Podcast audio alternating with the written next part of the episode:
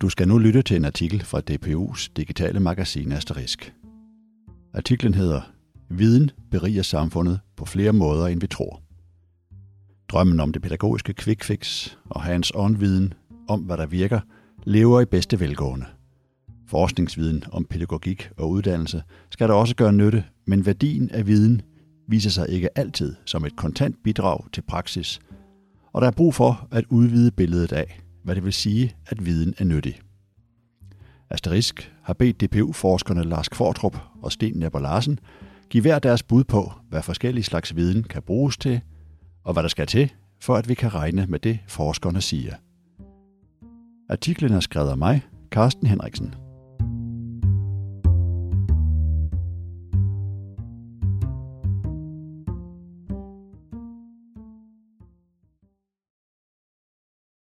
Kort efter, at coronakrisen brød ud herhjemme i marts 2020, og samfundet blev lukket ned, kastede Lars Kvartrup, professor ved DPU og Aarhus Universitet, og hans medforskere sig ud i et projekt om nødundervisning under coronakrisen.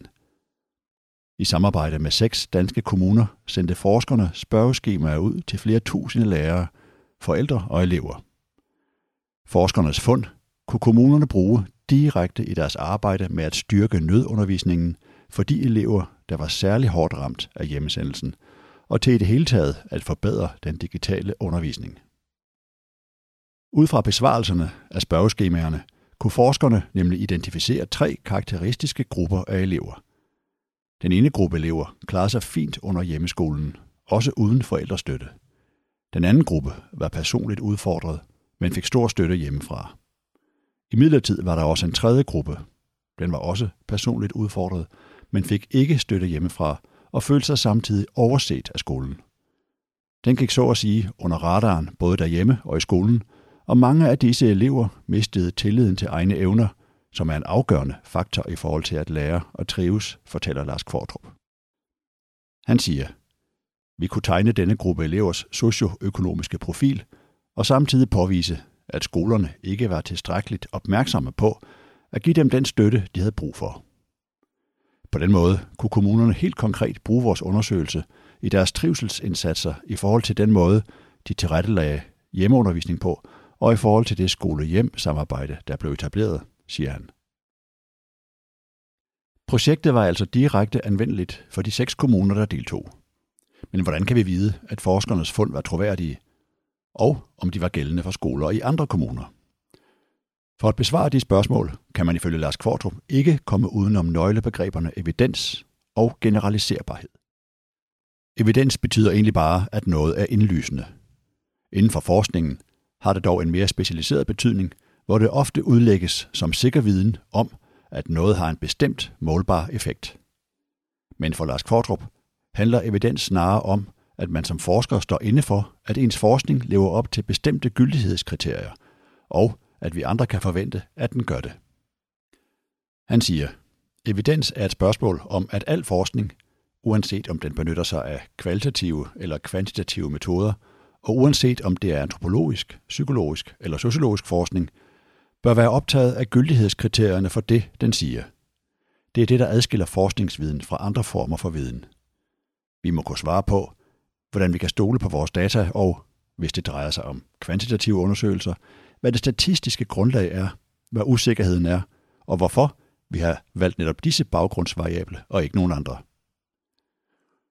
Også når det drejer sig om kvalitativ forskning, må man være i stand til at svare på, i hvilket omfang det, man siger, har gyldighed. Hvis man for eksempel har observeret og interviewet fem informanter, må man kunne svare på, om det ville have set helt anderledes ud, hvis man havde valgt fem andre informanter, siger Lars Kvartrup. Sten Nepper Larsen, lektor ved DPU Aarhus Universitet, forsker i evidensbegrebet fra en lidt anden vinkel. Han er optaget af, hvordan det bruges og misbruges, politisk og samfundsmæssigt, og hvordan det skaber en vrangforestilling om, hvad social og humanvidenskabelig viden er, kan og skal. Evidens er blevet en ideologi, der har bredt sig i samfundet som en tro på, at man kan opnå sikker viden om, hvad der virker i forhold til at opnå bestemte mål. Han siger, Vores samfund jagter evidens. Det er udtryk for en drøm om at være i besiddelse af det ultimative argument, der giver sig selv, overflødiggør yderligere argumentation og lukker sagen. Her er det mest effektive pædagogiske koncept i forhold til at styrke børnehavebørns trivsel og udvikling, og her er den mest effektive måde at undervise skolebørn på i forhold til at øge læringsudbyttet. Og så er der jo ikke mere at tale om, siger Sten Ebber Larsen. Men hvor evidens kan være et frugtbart erkendelsesideal inden for naturvidenskabelig, teknologisk og medicinsk forskning, er det fejlagtigt at overføre det på andre typer videnskaber, som for eksempel pædagogik og uddannelsesforskning, mener Sten Ebber Larsen. Han siger, Pædagogisk forskning udvikler viden om pædagogiske situationer, for eksempel undervisning. Men du kan ikke deltage i undervisning, uden at historien og den sociale og institutionelle sammenhæng spiller med, eller uden at det har betydning, hvilke andre elever du er sammen med, hvilken lærer du har, hvordan hun underviser, og hvad det er for et fag eller emne, du bliver undervist i, siger han. Evidens opnår man for eksempel gennem randomiserede kontrolforsøg, der også indgår i meget pædagogik og uddannelsesforskning. Men hvor det giver mening at teste effekten af medicin på en gruppe forsøgspersoner, hvor nogle af dem får den nye medicin, mens kontrolgruppen får en neutral pille, og ingen af dem ved, om de får det ene eller det andet, ja, så kan man ikke nul stille konteksten i pædagogiske situationer, pointerer Sten Debber Larsen. Han siger, der vil altid være sociale forventninger til og forestillinger om situationen og måder at tale om den på, der er med til at forme situationen. Alt dette kan ikke metodisk lades ud af betragtning for at lave rene effektmålinger, siger han. Som et eksempel peger Sten Ebbe Larsen på den australske uddannelsesforsker John Hattie, der med sin bog Synlig læring fra 2008 fik stor gennemslagskraft i en række landes uddannelsessystemer. Ud fra mere end 800 metastudier, baseret på mere end 50.000 enkeltstudier, opstillede Hattie en rangliste over, hvilke faktorer og indsatser i skolen, der giver de største læringseffekter. Sten Abel Larsen siger, Hatties resultater var både forføreriske og umiddelbart brugbare. Men hans konklusion om, at det er vigtigt, at lærerne er velforberedte, og at de ser læring gennem elevernes øjne, tenderer til det banale. Og omkostningen var, at for at opnå en høj grad af evidens og generel gyldighed, så måtte Hattie se bort fra fagene, indholdet i undervisningen og de pædagogiske situationer, som den udfolder sig i. Alt, hvad der handler om asymmetrien mellem lærer og elever, præstationskrav, sociale dynamikker i klassen, for slet ikke at tale om formålet med at blive undervist i bestemte fag, og det at lære noget overhovedet, blev skrevet ud af ligningen. Men det er jo, havde han sagt, en evident del af det at gå i skole, siger Sten Ebber Larsen.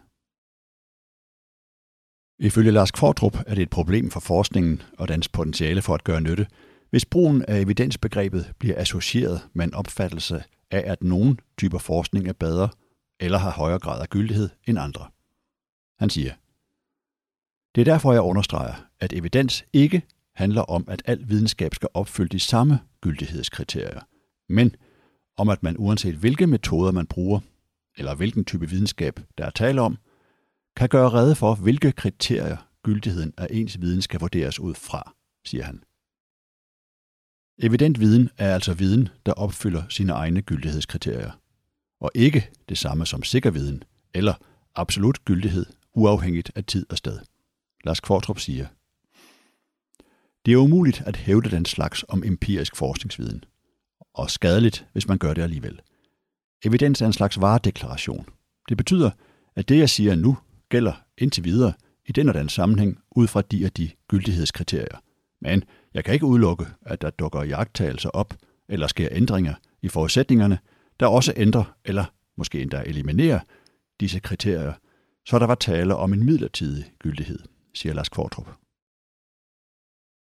Når man måler forskningens brugbarhed på dens direkte anvendelighed, så rammer det især human- og samfundsvidenskaberne, der skaber viden om pædagogik, kultur, æstetik og om vores sociale og historisk betingede liv med hinanden i samfundet. For eksempel er den æstetiske og dannelsesmæssige side af humaniora ikke umiddelbart brugbar til at løse praktiske problemer om for eksempel trivsel, sundhed og økonomi i samfundet. Men forudsætningen for at løse praktiske problemer på en gennemtænkt og holdbar måde er omvendt at have videnskaber, der leverer historisk viden, tanker og refleksionsformer og kritik af kulturens veje og vildveje, forklarer Sten Nepper Larsen. Han siger,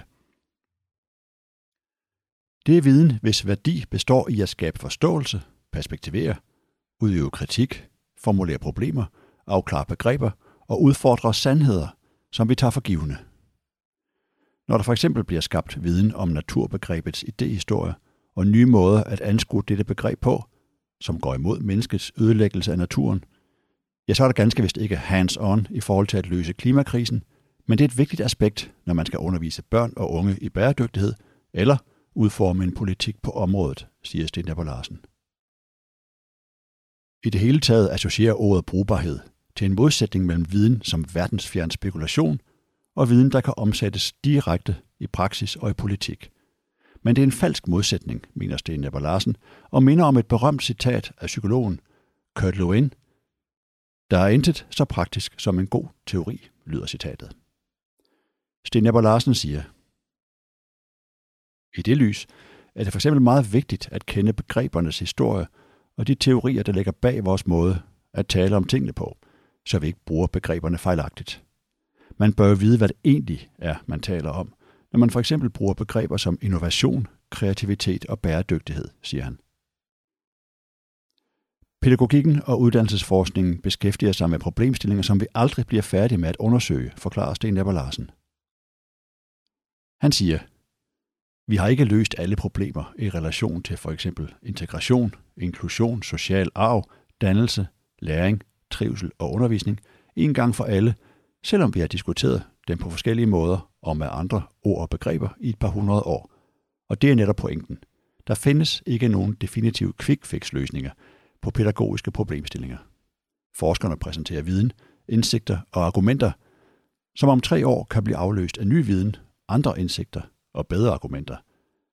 Alt dette er ikke noget, forskerne hælder ud over praksis, som den så har hver sko at bruge. Det skal snarere ses som en invitation til at tænke med. Forskerne er jo ikke guder, der sidder inde med sandheden. De kender, eller bør kende, grænserne for deres egne udsagn, og bør ikke afskærme sig mod at forholde sig selvkritisk til egne blinde vinkler, siger han. Sten Ebber Larsen mener derfor, at den dominerende offentlige forestilling om brugbarhed af viden må udvides. Han gør opmærksom på, at forskningens værdi også kan bestå i at advare praksis mod at indføre bestemte læringsprogrammer eller pædagogiske koncepter. Han siger, der er jo noget forførende ved, at nogen kommer med et koncept, en model eller et program, der foregiver at kunne skabe læring, trivsel eller positiv adfærd på kort tid. Men desto vigtigere er det, at der findes forskere, der afslører de mangler, der måtte være i sådanne koncepter og programmer, for eksempel med hensyn til deres begrundelse og negative effekter. Og her består forskningens brugbarhed faktisk i at advare praksis mod at lade sig forføre af det tilsyneladende brugbare, siger Sten Ebber Larsen. Tilsvarende er det nyttigt, når forskere udgiver bøger om for eksempel dansk skolehistorie, om pædagogprofessionens historie og om de pædagogiske idéers historie. Sten Ebber Larsen siger, det kan ruste befolkningen, og ikke mindst politikere og dem, der arbejder professionelt på området, til bedre at forstå aktuelle uddannelsespolitiske spørgsmål. Den slags historisk viden er vanvittigt brugbar i forhold til at blive en dygtig lærer eller pædagog i praksis, og i forhold til, at man som uddannelsespolitiker bør kende sin historie og sine begreber, når man vil lovgive på området, siger han. Skal forskningen virkelig gøre nytte, er det ikke nok at producere empiri-baseret viden, der kan anvendes i praksis. Den må også kunne deklarere omfanget af og grænserne for gyldigheden af denne viden. Lars Kvartrup siger, Indimellem må vi som forskere trække os tilbage i elfenbenstårnet og gennemtænke begreber som kausalitet, evidens og generaliserbarhed, og analysere forholdet mellem teori og empiri osv. Hvad vil det for eksempel overhovedet sige, at noget er årsag til noget andet, og hvad vil det sige, at noget er effekt af noget andet? Hvis uddannelsespolitikken er baseret på en opfattelse af, at der findes entydige relationer mellem årsager og virkninger i uddannelsessystemet, ja, så består forskningens nytte også i, at den redegør for kompleksiteten i disse relationer og kvalificerer den offentlige debat, så den ikke bliver fordrejet af dårlige generaliseringer. At gøre nytte som forsker består derfor også i at udvikle, afklare og forklare de begreber og teorier, som forskningen ikke kan undvære, siger Lars Kvartrup. Nu skal du passe på med at generalisere, siger vi tit i hverdagssproget, når nogen prøver at tillægge en hel gruppe af personer egenskaber, som de har jagtet hos en enkelt eller få personer fra den gruppe. Netop spørgsmålet om, hvorvidt viden kan generaliseres, er vigtigt i forhold til dens brugbarhed, mener Lars Kvartrup, men samtidig viser hverdagstalemåden, at det ikke er helt uden problemer. Lars Kvartrup siger, Når vi laver en undersøgelse på skoler i Aarhus Kommune, så har det betydning, om resultaterne kan overføres til Viborg Kommune, eller om skolerne og de sociale forhold der er for anderledes til, at det giver mening. Mange har en forestilling om, at jo flere enkelttilfælde man undersøger empirisk, det større gyldighed har den viden, man opnår, netop fordi den i højere grad kan generaliseres. Men det er ikke al forskningsviden, der kan generaliseres. Til gengæld er det vigtigt, at al forskningsviden tydeligt deklarerer, om den har mere end lokal gyldighed i den specifikke sammenhæng, man har undersøgt, og i givet fald hvordan, siger Lars Kvartrup. En form for generalisering er den statistiske, hvor man udvælger et antal informanter eller respondenter tilfældigt, samtidig med, at de skal være repræsentative for den gruppe, man undersøger. Men generalisering kan også være teoretisk baseret. Lars Kvartrup siger, Forskning handler om både at kunne finde korrelationer mellem fænomener på baggrund af empiri, og at kunne forklare dem teoretisk. På den måde kan man gå fra at påvise sammenhænge, der måske er tilfældige, til at påvise årsags- og virkningssammenhænge. Man kan ikke skille teori og empiri ad i forskning. Ifølge den østriske videnskabsfilosof Karl Popper, så er det et væsenstræk ved enhver videnskab, at der ikke findes forudsætningsløs empiri. Det er tværtimod altid teorien, der peger i en bestemt retning. Man kan ikke jagtage noget i verden uden kriterier for, hvad og hvordan man jagtager, og slet ikke, når man bedriver videnskab, siger Lars Kvartrup. Hvor Lars Kvartrup mener, at forskningen altid må deklarere sine egne gyldighedskriterier, hvis vi skal feste lid til den, så peger Sten Larsen på grundstenen i det videnskabelige samfund, nemlig at det er selvregulerende. Han siger, som forsker bliver din forskning hele tiden prøvet af i et kommunikerende og kritisk forskerfællesskab, ligesom publikationer fagfælde bedømmes og vurderes af redaktører. Du kan med andre ord ikke sige hvad som helst og kalde det videnskab. Hertil kommer, at det vi siger er nødt til at stemme overens med faktuelle sagsforhold og den almene forestilling, vi har om viden. Ifølge Sten Eber Larsen, så opererer forskere inden for det, den tyske filosof Jürgen Habermas kalder sandhedsdiskursen. Sten Larsen siger, det betyder, at vi trods alt snak om for eksempel konstruktivisme, ikke kan slippe afsted med at sige det rene vrøvl. Når forskeren siger noget, ja, så går vi ud fra, at det er hans intention at sige noget, der er sandt. Derudover må forskere også forholde sig til de sociale og moralske konsekvenser af deres udsagn, ligesom de også bliver vurderet på deres oprigtighed. Mener I virkelig det, I siger? Ifølge Habermas tester vi i en kommunikationssituation altid udsagn for, om de er sande, oprigtige og i overensstemmelse med en fælles grundlæggende etik. Og det gælder også, og bør ikke mindst gælde for, videnskabelige udsagn, siger Sten Ebber Larsen. Ifølge Lars Kvartrup arbejder forskere ud fra en forventning om, at det, de laver, vil vise sig nyttigt. Han siger, men forskning kan jo gøre nytte på mange forskellige måder, og det er også et spørgsmål om, hvor direkte vi forstår nyttebegrebet. Niels Bohrs grundforskning i atomfysik viste sig også at være brugbar, selvom man jo ikke gik ind på laboratoriet og kom ud dagen efter med løsningen på energikrisen, siger han. Når uddannelsesforskere skal forklare, hvad deres forskning kan bruges til, er det altså ikke kun et spørgsmål om at remse eksempler op på, hvordan viden er blevet brugt i pædagogisk praksis eller inden for uddannelsespolitikken.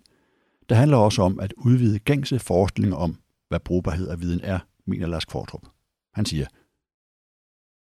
i stedet for brugbarhed vil jeg hellere tale om, at forskningsviden skal være berigende for samfundet.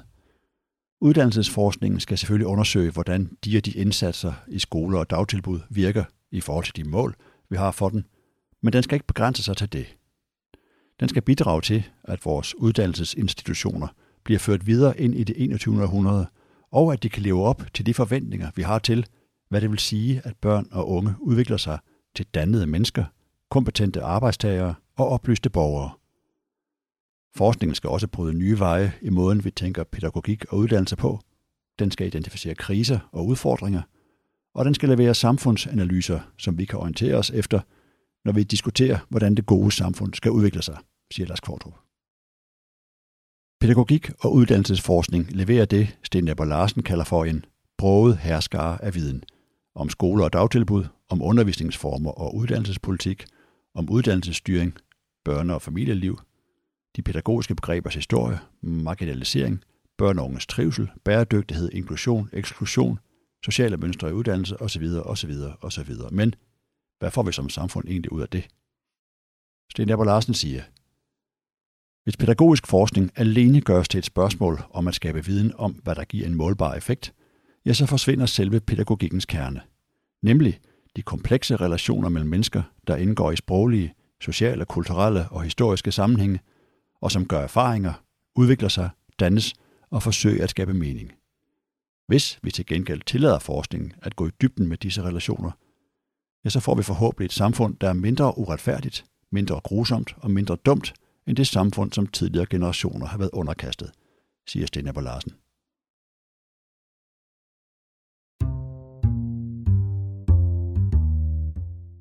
Det var slut på artiklen Viden beriger samfundet på flere måder, end vi tror. Du kan læse videre, eller lytte til flere artikler om brugbarhed af forskningsviden i DPU's digitale magasin Asterisk, nummer 102, oktober 2022. Tak fordi du lyttede med.